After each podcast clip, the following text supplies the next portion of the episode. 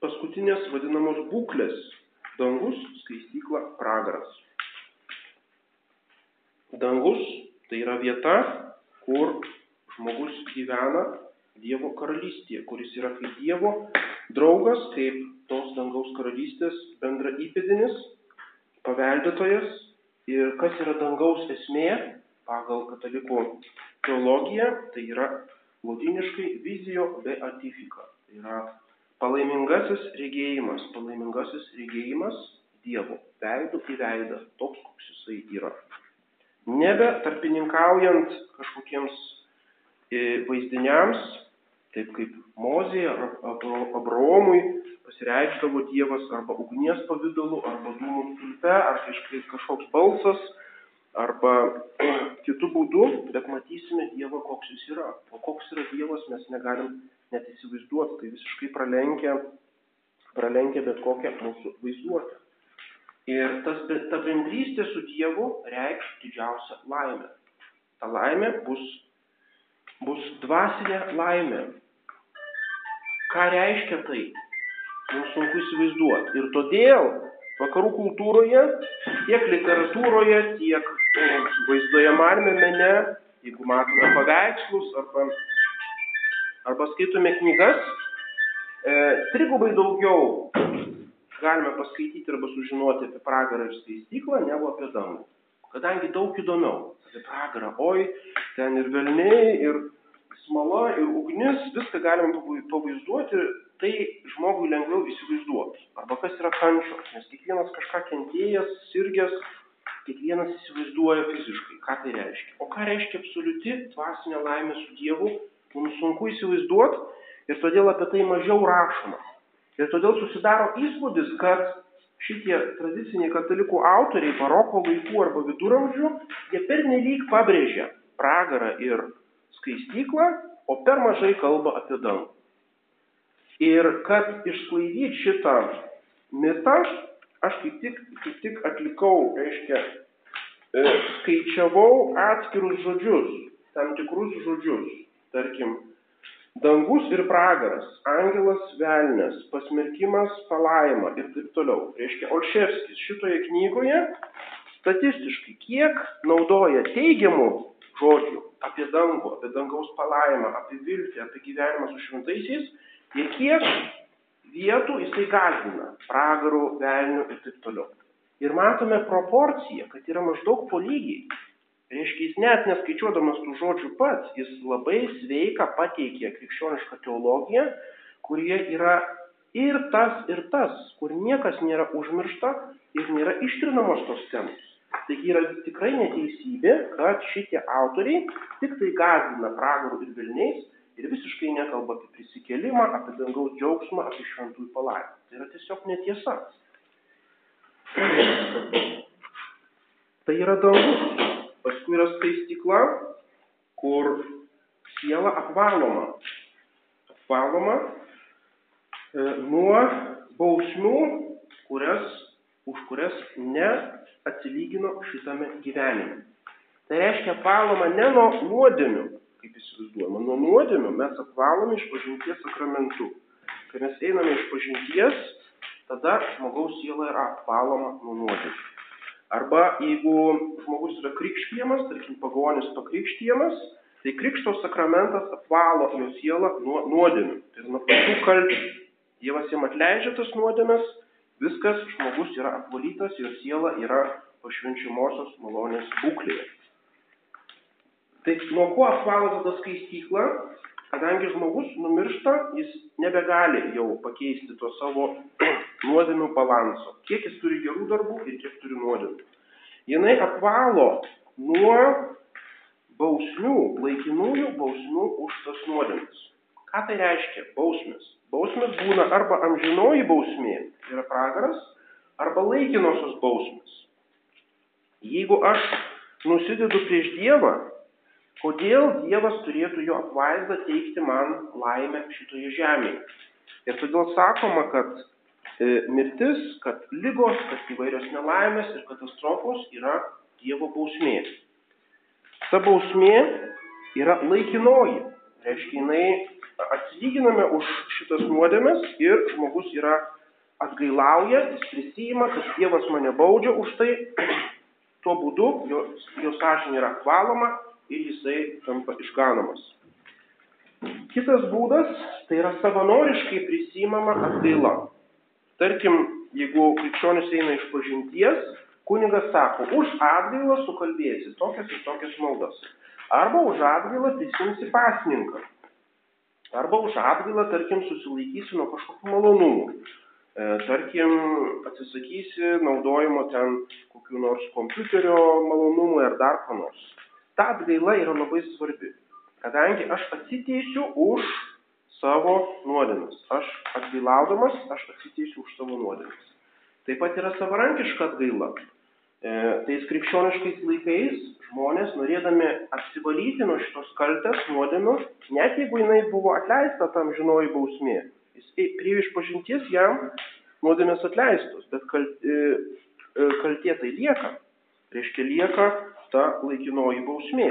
Ir todėl tie nusidėliai eidavo į maldinės keliones. Jie keliaudavo iki pat Jeruzalės ar Santiago de Kompostelos ar kur nors. Arba jie prisimdavo uh, įvairius apsimarinimus arba pasninkaudavo ir taip toliau. Tai buvo ištisa kultūra atgail, atgailavimo arba susitaikymo su savo, su savo sąžinė. Tai, ką mes gauname iš pažinty, tai yra labai svarbi šita atgaila, bet dažnai yra jinai yra nedidelė.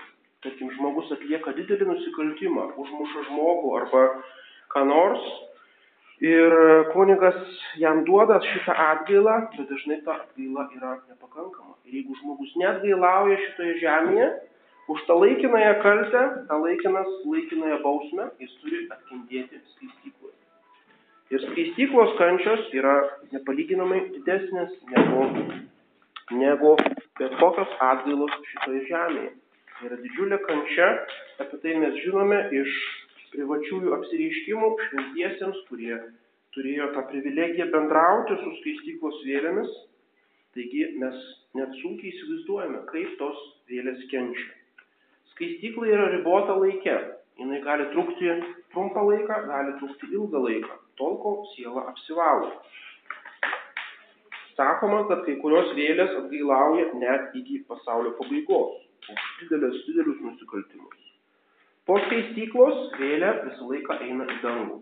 Reiškia, jau skaistykloje žino, aš esu išganyta, aš tikrai eisiu į dangų, aš noriu apsivalyti. Tai reiškia, jeigu pragare prakektieji jie nekenčia šitos savo kančios, jie bando nuo jos kažkaip išsigelbėti, tai yra jiems didelė kančia, tai Skaityklos kentėjimus vėjas prisijima noriai, jos pačios nori apsivalyti, jos iš meilės Dievui norėdamos stoti jo akivaizdon švarios, jos e, prisijima tas kančias. Tai yra skaistykla ir galiausiai pragaras, kur ken, ken, kentėjimas yra amžinasis kentėjimas už neatleistas leklinasias nuodėmes. Kas yra mirtinoji nuodėmė, tai yra būtent sukilimas prieš Dievą, tai yra Dievo atmetimas. Ir tada žmogus lyg įsitvirtina toje būklėje ir jisai kenčia pragaro kančias. Ir štai tos būsenos dangus, skaistikla pragaras, jos yra susijėtos su tam tikra vieta. Kadangi žmogus, kaip sakėme, jo vėlė prisikels, jo, siela, jo kūnas prisikels ir siela bus sujungta vėl su kūnu. O kūnas yra trys matmenys yra tam tikra fizinė erdvė, kūnas yra apčiuopiamas dalykas. Reiškia, tas kūnas, jeigu jis kažkur tai yra, turi būti tam tikroje vietoje. Ir todėl dangus, skaistikla ir pragaras yra ne tik tai būsenos tam tikros, kurias patiria siela, bet tai yra ir fizinė vieta. Ir tarkim, skaistikloje ir pragare yra fizinė ugnis. Ugnis, kuri yra šitos kančios apvalymo arba bausmės įrankis. Kur ta vieta yra? Niekas to nežino. Ir taip nėra, kad viduramžiais visiems buvo aišku, kad pragaras yra žemės gelmėse, o dangus yra ten, kur, e, kur reiškia, už žvaigždžių šitos kliauto. Nieko panašaus, jau visais laikais krikščionių teologija sakė, kad tos vietos negalime lokalizuoti mūsų šitame kosmose. negalime tiksliai apibriežti, tai yra vietos, kurios yra ant gamtinės vietos, kurių ir, reiškia, jeigu tarybiniai ateistai, reiškia, sakydavo, kad Gagarinas nuskrido į dangų, viską nufotografavo ir ten jokio dangaus su angelais nebuvo, tai tas argumentas negalioja. Kadangi dangus nėra už kažkokio dangaus kliauto ar kažkur tai lokalizuojamas kosmose, ir lygiai taip pat pragaras nėra e, Žemės planetos viduje, kad mes su graštu pasigręžę kažkur tai rastume pragarą. Nieko panašaus. Tos vietos yra, yra kitos dimensijos, kitos e, kito matmens vietos. Ir galiausiai vienas iš tų paskutinių dalykų tai yra pasaulio pabaiga. Kas tai yra pasaulio pabaiga? Tai nereiškia, kad yra sunaikinimas kažkokių dalykų. Dievas tai, ką sutveria, jis niekada nesunaikina. Nieko nesunaikina. Tie pasmerkėjai pragare galbūt norėtų, kad Dievas juos sunaikintų, nes tos kančios yra baisios, jie norėtų išnykti. Bet to nėra tą, ką Dievas sutvėrė, tas ir išlieka. Ir reiškia, jeigu sutvėrė šitą pasaulį, šitą kosmosą, tas pasaulis ir išliks. Tačiau jis bus perkeistas, jis bus apvalytas, jis bus e, sudvasintas. Taigi pirmiausia bus pasaulio pabaigos pabaigą pranašaujantis įvykiai. Bus e, gam, gamtinės katastrofos, bus socialinės katastrofos, bus atkritimas nuo tikėjimo ir taip toliau. Paskui pasirodys antikristas. Tai yra žmogus, kuris e, suvienys visas Kristui priešingas, bažnyčiai priešingas, tikėjimui priešingas jėgas į tokį paskutinį atkritimą nuo krikščionybės. Antikristas, kuris e, valdys 3,5 metų. 3,5 metų. Tada ateis Jėzus Kristus, antrasis Jėzaus Kristaus ateimas reiškia Dievo sūnus, kuris yra su kūnu, taip kaip žmogus, Jėzus Kristus danguje, jis vėl ateis, tik dabar jau nebe slaptai, kad niekas nematys, bet viešas bus ateimas į šitą pasaulį ir jis bus teisėjas gyvųjų ir mirusiųjų, bus jau mūsų minėtas paskutinis teismas ir tada e, antikristo nugalėjimas ir pasaulio atbaigimas. Tokia yra pasaulio pabaiga. Šitoje knygoje yra katalikiška doktrina apie paskutinius dalykus ir apie angelus, kur yra aiškiai atskirta, kas yra katalikų bažnyčios dogma, tai yra ką katalikas privalo tikėti. Toliau, kas yra tik tai teologų nuomonė, visuotinė teologų nuomonė, kurie neprivaloma tikėti kaip dogma. Ir trečias dalykas, kas yra tam tikri kultūriniai elementai, kurie yra su tuo susiję, kurie nepriklauso prie katalikų mokymo oficialaus, bet turėjo didžiulę įtaką, tarkim, ikonografijai, paveikslams arba literatūrai, arba tai pačiai bromai yra įvairiose vietose, e, vaizdingai pasakojama apie tuos dalykus, bet tas vaizdingumas nėra paremtas dogmatinė teologija, nėra paremtas šventuoju raštu.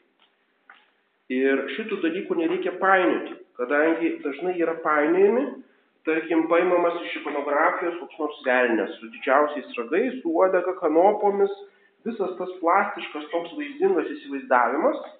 Ir šitas sutapatinama. Va, reiškia, krikščionis kuo tiki, čia yra katalikų bažnyčios mokymas, reiškia, tas mokymas nieko nesiskiria nuo kitų religijų, mitų arba legendų. Tai yra tiesiog žmogaus fantazijos tokie, tokie kūriniai. Ir šitas yra klaidingas suplakimas tų dalykų. Tai yra visiškai aiškiai atskirta, kur yra teologija, kur yra tikras katalikų bažnyčios mokymas, kur yra šitie kultūriniai elementai, legendiniai arba vaizdingi, arba literatūriniai, arba kitokie, kurie neprieštarauja tai dogmai, bet kuriais visiškai neprivaloma tikėti jie nėra krikščionių religijos esmė.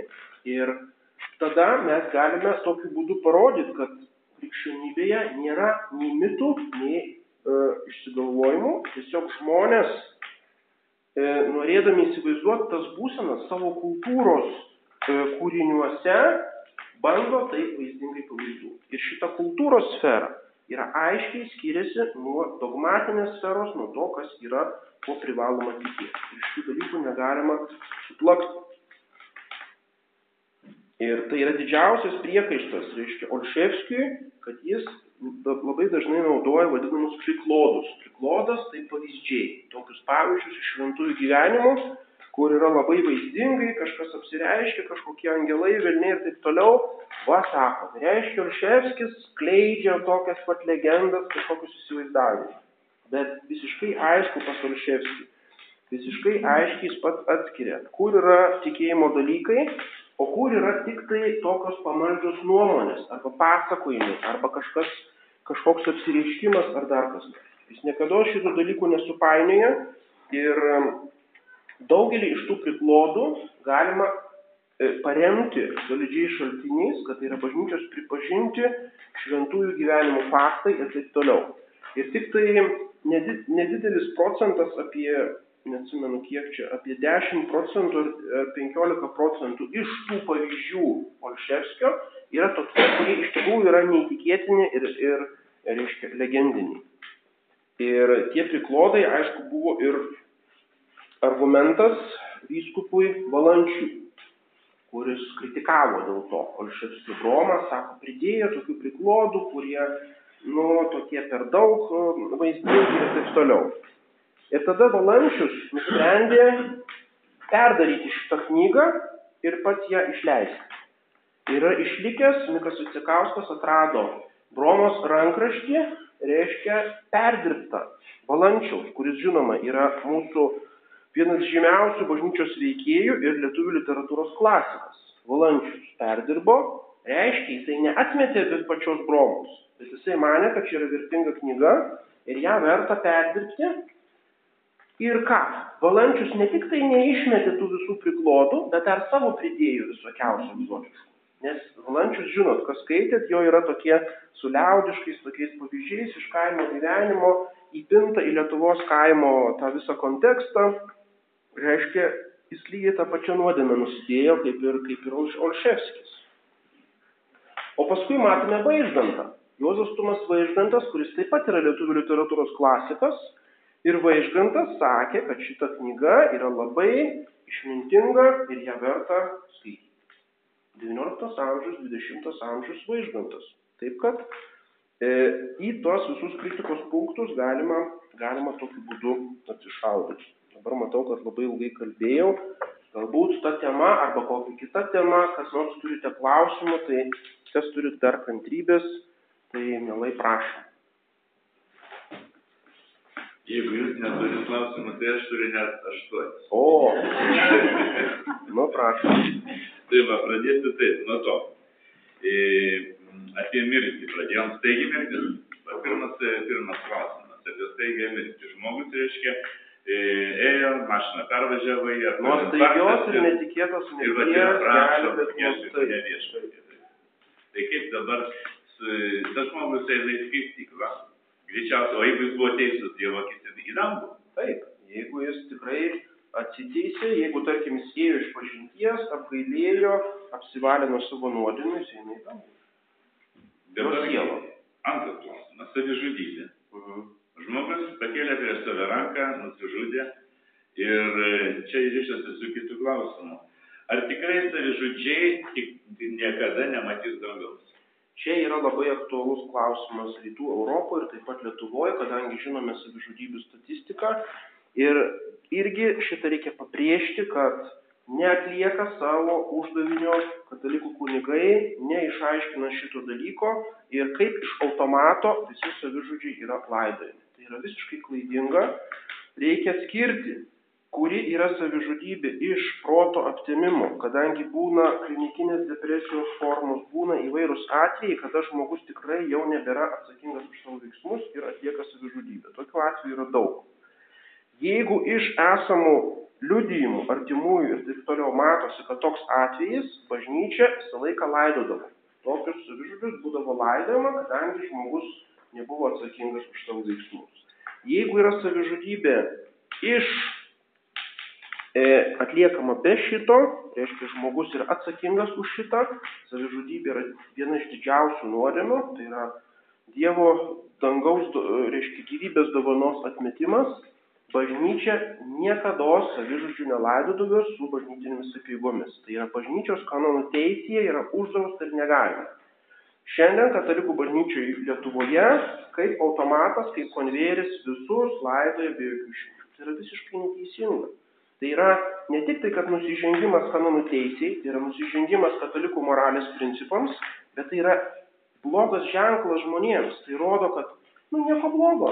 Savižudybė yra normalus reiškinys, bažnyčia laimina, lygiai kaip dabar santokų anuliavimas. Kaip ant konvejerio masiškai jau ir vadina katalikiškos skirybos. Ar tavo skirybos bus civilinės, ar bus katalikiškos skirybos.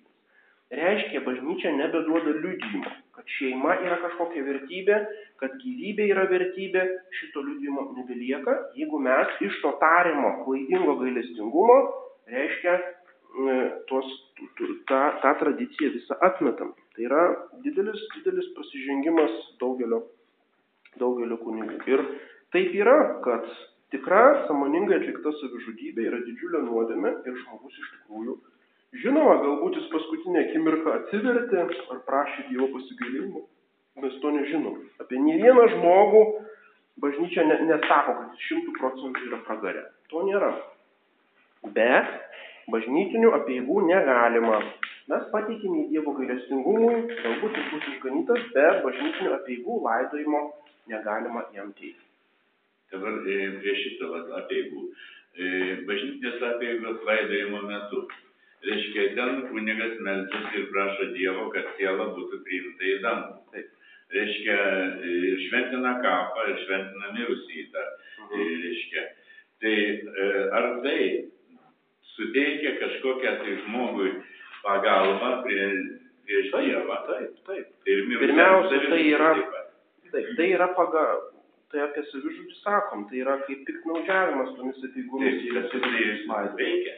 Vis tiek kunigas atliko tam tikrą veiksmą. Nu, tai gerai, bet tai draudžia bažnyčios teisė. Negalima šitą daryti. Reiškia, kunigas piknaudžiauja tomis apygomis. Iš to tikrai Dievo jokios garbės nėra ir tai sielai jokios pagalbos nėra. O žinoma, už visus mirusiuosius reikia melstis. Ar jis buvo didžiausias nusidėlis numerė, ar teistas, už visus turim melstis, kadangi mes nežinom, apie ne vieną žmogų nežinom, kad jis iš tikrųjų yra pasmerktas. Reiškia, yra įpareigoti jo artimieji už jį privačiai melstis. Ir kunigas turi paskatinti artimuosius melstis už tą vėlę. Bet apieigų bažnytinių negalima atlikti. Tai yra va, toks skirtumas reiškia, užsakyti mišių. Galima. Galima. Galima. Žinoma, užkenčiančius paragare. Tarkime, mes, nu, aš nežinau, galiu įtarti, tai tarkim, bet ar mes, sakykime, mūsų maldos jiems padeda? Ne. Tie, kas yra pragare, jiems maldos nepadeda. Taip, už tai reikia už visus melstis. Kadangi nežinom, už tai melžiamės už visus. Be jokios išimties. Senam testamente yra parašyta, kad, reiškia, dabar ne, nepasakysiu, ar apsireiškia, bet ten buvo taip, kad, bet jeigu leis man eiti pas artimuosius ir pasakyti, kad jie nedarytų šito, nes e, bent vieną maldelį, tai kaip vandens lašas ant mano liežuvio, kenčiančiam pragarė. Turbūt ne pragarė, o skaistykla. Nu, skaistykla. O, o pragarė šitoms vėliams mes negalim padėti, bet mes nežinom, ar ta vėlė yra pragarė. Taip, tai tada e, jau tai vieną klausimą jūs atsakėte, kad ar gali iš karto patekti į pragarą ir dangą. Sakėte, kad taip, galima iš karto į pragarą patekti ir į dangų, bet dauguma mūsų pateks į stiklą, kadangi mes nesame. Galbūt iš jūsų atsiras, kurie bus išvestinti iš daug. iš karto į dangų patekti. Tai, tai va, tai dabar taip, mūsų kūnai fiziniai kūnai. Nes va tas dar norėjau, reiškia, dabartinės laidojimo apeigos, kalbėjimas apie mirusiuosius ir taip toliau. Turim suprast, kad yra didžiulis skirtumas tradicinių apeigų iki antro Vatikano susirinkimo, kokios buvo apeigos, ir dabartinių apeigų. Dabartinėse apeigose uždraustas yra oficialiai žodis siela. Nėra sielų. Yra mirusysis, už mirusį melžiamės, mirusysis taip toliau siela žodis, reiškia, modernistinės šitos teologijos yra kaip ir uždraustas. Tai yra priešinga visai tūkstantmetiai tradicijai. Šventajame rašte aiškiai kalbama apie kūną ir sielą. kad reikia melstis už sielą, sielų išganimas ir taip toliau. Dabar šitas yra tabu, viskas, jokių sielų nėra, yra žmogus. Tai kur tada? O kaip tada iki mirusių prisikėlimo? Ar yra atskirta siela nuo kūno, ar nėra tos sielos? Reiškia, iš šito žodžio eliminavimo iškyla daugybė teologinių iš viso. E, Toliau kitas klausimas. Reiškia, juoda spalva. Nėra jokios juodos spalvos, viskas iš karto yra Velykinė žvakė, viskas arba violetinė ar dar kas nors. Ir iš karto prisikėlimas, dangus, rojus, reiškia praktiškai kiekvienos laidojimo apėgos yra vos ne kaip kanonizavimas to žmogaus.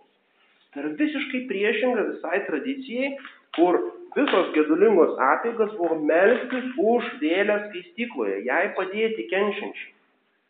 Visur, kur tik paminėta vėlė, paminėta skaistykla, paminėtas kentėjimas, viskas yra ištrinta, ištrinta, ištrinta. Niekur nebeišgirsit apygose, pamoksluose ir kitur.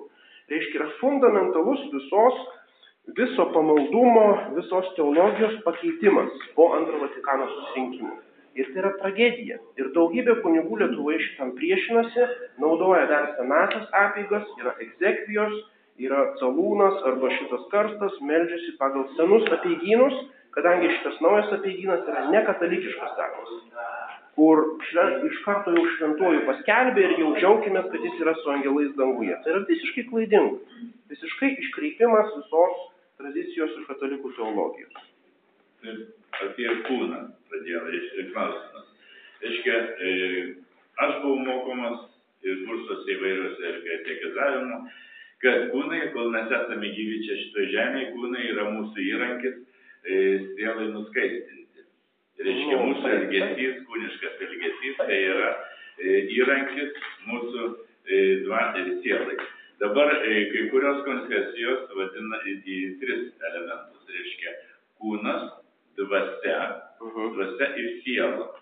-huh. Jūs galite, galite tai čia kai kurie, kai kurie protestantai, kai kurie protestantai šitaip išaiškina kai kurios švento Pauliaus vietas ar Evangelijos vietas, kur yra skiriama e, e, psichė, e, psichė tai yra siela, pneuma tai yra dvasia ir soma tai yra kūnas, reiškia tri, trichotomija vadinama, kur yra išskiriama. Visa katalikų teologija jau nuo bažnyčios ankstyviausių tėvų aiškiai rašo, kad nėra šitų trijų elementų, yra du elementai yra siela ir yra kūnas.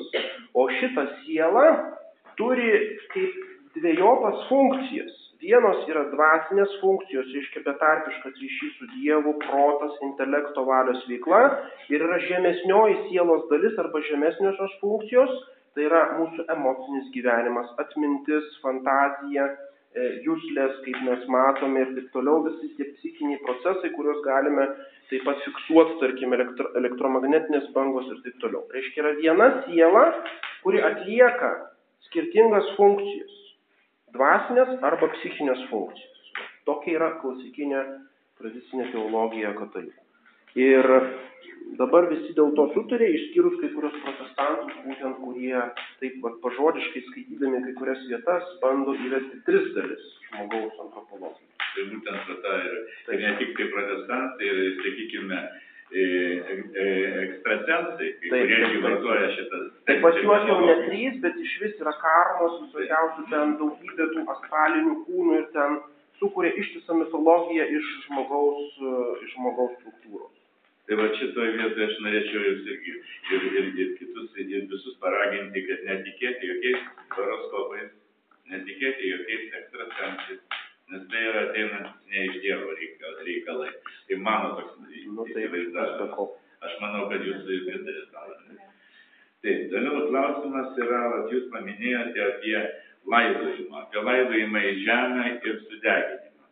Žinome, kad mūsų kūnai prisikels. Tai ar jie prisikels iš pelenų, iš žemės, iš Žinoma, prisikels. Žinoma. Ar tai reiškia ir sudegintas, kremuotas, taip pat prisikels. Tas visiškai nieko bendro neturi su kūno prisikėlimu. Tai tik tai Juk dievo, dievo visa galybė gali ir nuskendusi, ir žemėje palaidoti, ir sudeginta, ir bet kokį kūną gali surinkti iš tų dalelių ir vėl sujungti. Čia visiškai tas neturi nieko bendro su prisikėlimu. O būtent sakėm, kad tas yra pagarbos išreiškimas kūnui, nes krikščioniškoje tradicijoje ir visur kitur deginimas tai yra bausmė. Tai yra bausmės įrankis. Reiškia, būdavo, tarkim, viduramžiais inkvizicija teisė kokį nors eretiką ir jeigu jisai tuo tarpu numiršta, neprisipažinęs, tada jo kūnas iškasamas iš kapo yra sudeginamas. Tai yra kaip bausmė, kad socialinėje lygmenyje būtų ateisimas už jo nusikaltimus. Yra sudegintas. Reiškia, deginimas visą laiką yra bausmės įrankis. Reiškia, didžiausia nepagarba, tai yra kaip išniekinimas iš kito kūno. Bet jeigu pats, pats žmogus to prašo, tai kaip... Tai blogai, kad prašo. Aha. Tradiciškai pagal bažnyčios teisę, jeigu mirusysis prašo kremavimo, artimiesiems yra draudžiama vykdyti jo valią ir yra baudžiama, kad, reiškia, jeigu bando tą vykdyti, tai nėra jokių laidojimo peigų. Reiškia, bažnyčia e, oficialiai nesimeldžia už.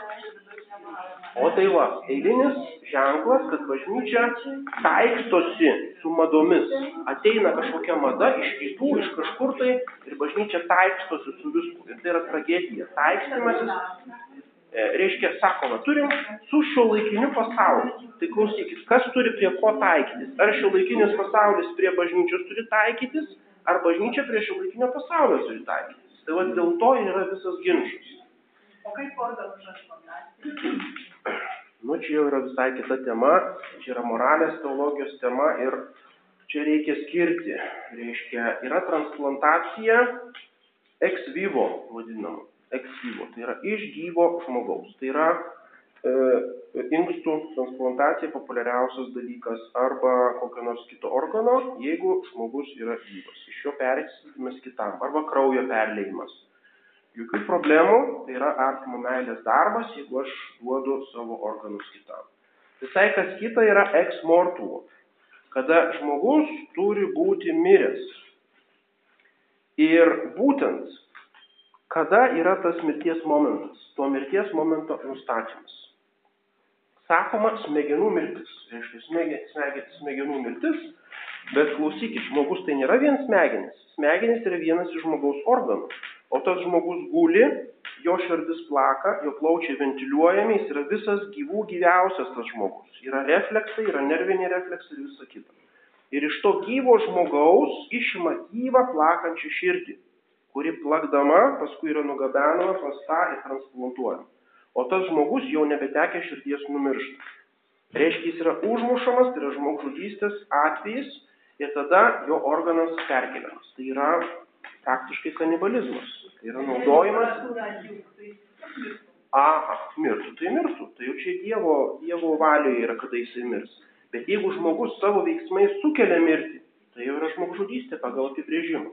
Ir aišku, čia yra tikslus terminas, kada žmogus miręs, nemiręs. Ir visą laiką sakoma, tai pagalvokit, tų organų reikia žmonėms.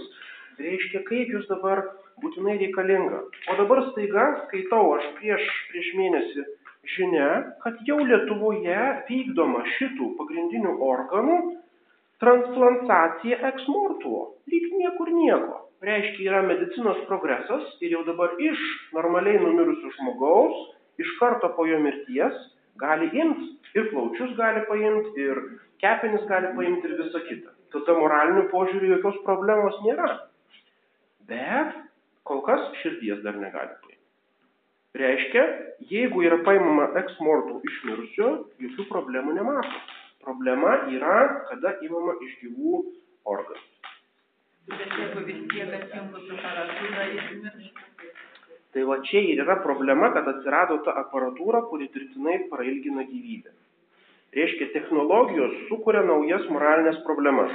Anksčiau tos problemos nebuvo iki šitų aparatų išradimo, iki pat, nežinau, 80-ųjų metų, buvo visiškai aiškus medicinis apibrėžimas mirties. Mirtis įvyksta, kada žmogus nustoja kvepuoti ir kada nebeplaka širdis. Viskas.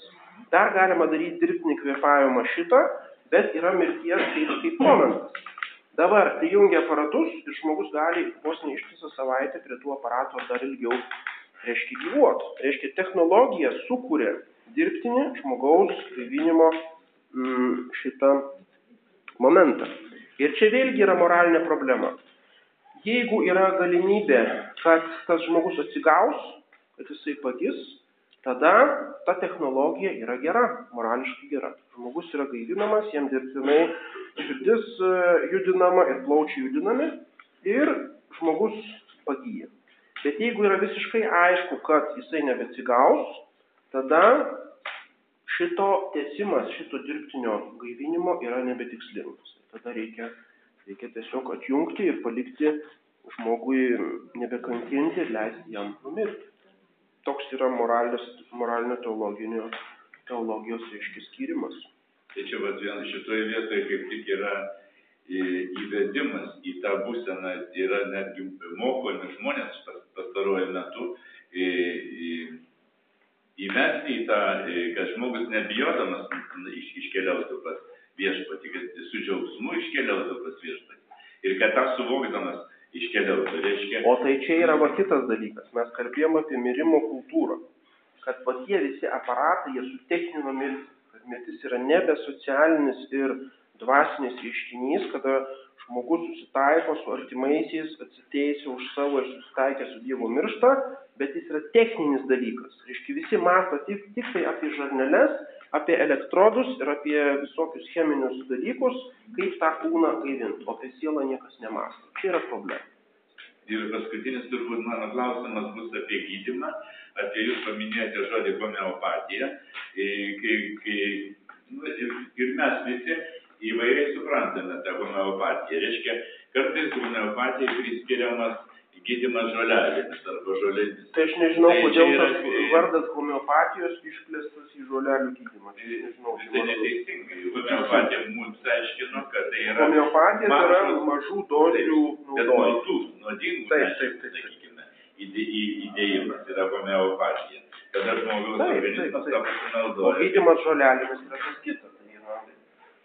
Nes Dievas sutvėrė, reiškia, ir žolės, kad žmogus galėtų jas pasakyti. Bet būtent reikia skirti tai, kas yra medicinos patvirtinta, kas yra moksliškai patvirtinta medicina ir kas yra pseudomedicina, kurie kažką išfantazuoja. Ar turite klausimą? Prašau. Aha.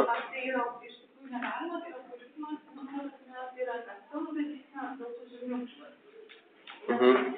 Tai va, tą labai, labai sunku atskirti šiandien nes visur pasirašo dr, dr, med dr ir taip toliau ir visi pretenduoja kažkokį autoritetą ir atskirti tikrą gydytoją nuo šarlatano šiandien labai labai sunku yra.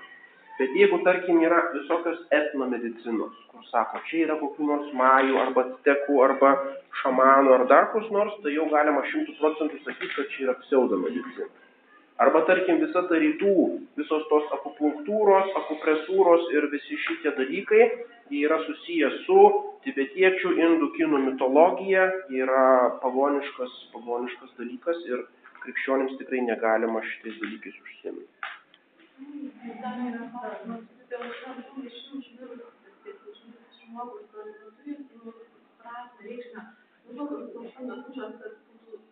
Taip. Nebūtinai, nebūtinai. Gali būti bet kurios mišios kaip tokios, kadangi tai yra Jėzaus Kristaus auka, jos turi begalinę vertę ir jos turi. O kad gedulinės, tai yra tiesiog specialios apygos, galima ir gedulinės užsakyti, bet nėra būtinai. Galima tiesiog. E, Aha, turbūt pabaigai, ar tu turi klausimą, prašau. Sakėt, kad reiškia vėjas stiklai tau negali padėti. Uh -huh. Čia reiškia net žemėje. Bet jeigu žemės nesimeldžia. O tai čia yra sunkumas toms vėliams, kad už daugelį jų nesimeldžia. Daugeliu jų padeda šventieji. Danguje jie taip pat gali padėti vėliams skaistykloje. Galbūt jie padeda visiems. Bet visą laiką būdavo maldos tradiciniuose maldynuose už sielas, už kurias niekas nesimeldžia. Reiškia, tai yra artimo meilės e, pareiga melstis už tuos, už kuriuos kiti nesimeldžia. Arba tarkim, kam yra reikalingos vėlinės. Vėlinės yra specialiai ta diena už visų mirusiųjų vėlės. Reiškia, vieną dieną bažnyčia paskiria specialiai, kad dabar mes visi meldžiamės už tas sielas, už kurių nebeliko artimųjų ir už jas, kad jas taip pat prisimena. Apie vėlinės. E, mes, katalikai, suprantame, kad tai yra mūsų mirusieji, už kuriuos reikia melstis, kad jie yra skaitykloje. Tačiau protestantai šitą dalyką pavertė į Heloviną, reiškia, mes sakom Holivin, reiškia, šventieji laimi, o jie ten tą su, su Čia ne protestantai, čia yra neopagonybė. Žinoma, iš airių pagoniško peigų kažkokie elementai čia jau ne, ne protestantizmas.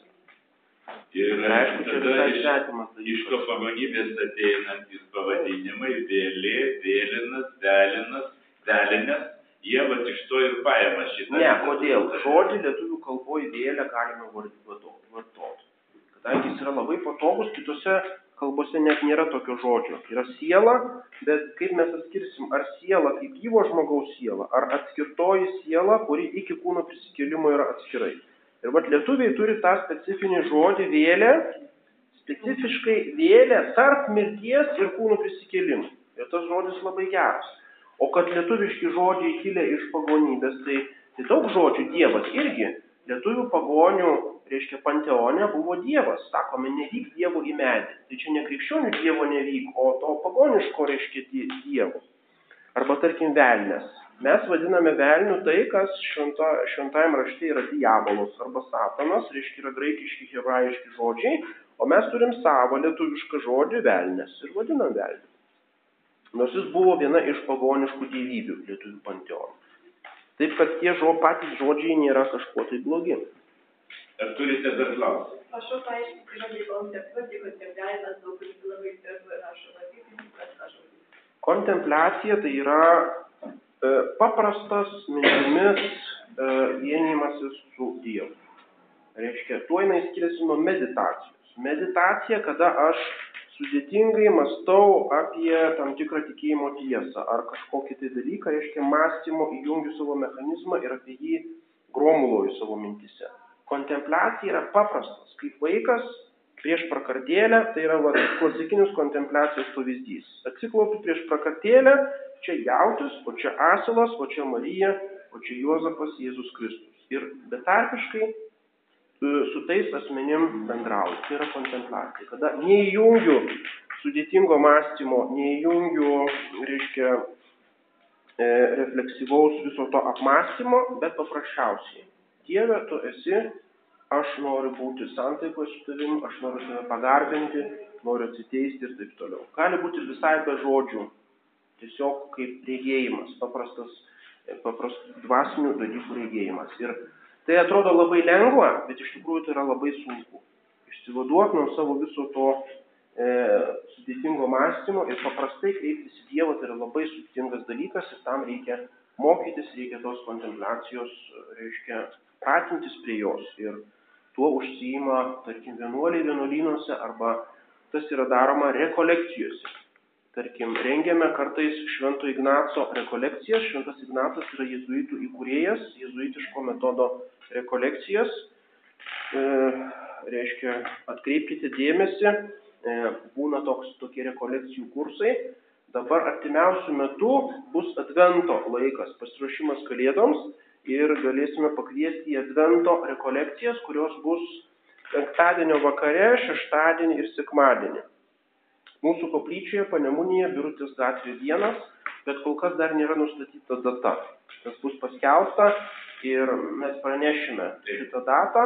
Reiškia, kiekvienas laisvai čia daug ne, neužima darbo laiko, kas gali, penktadienį vakare, šeštadienį yra tos paskaitos, yra laikas apmąstymui, maldai, šventos mišios, o tokios adventų rekolekcijos, kad pasiruošti kalėdų šventį.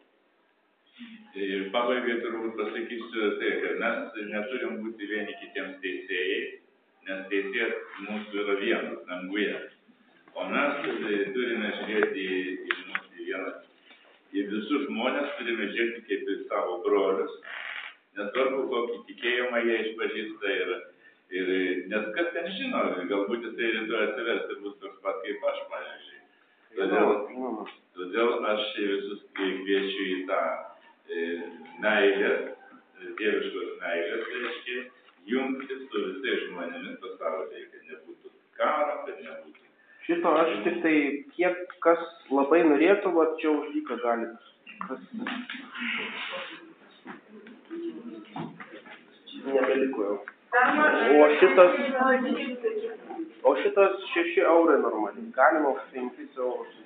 Tai dabar aš e, paprašysiu visų, kadangi mes su malda pradėjom, tai su malda mes ir pabaigim šitą susirinkimą.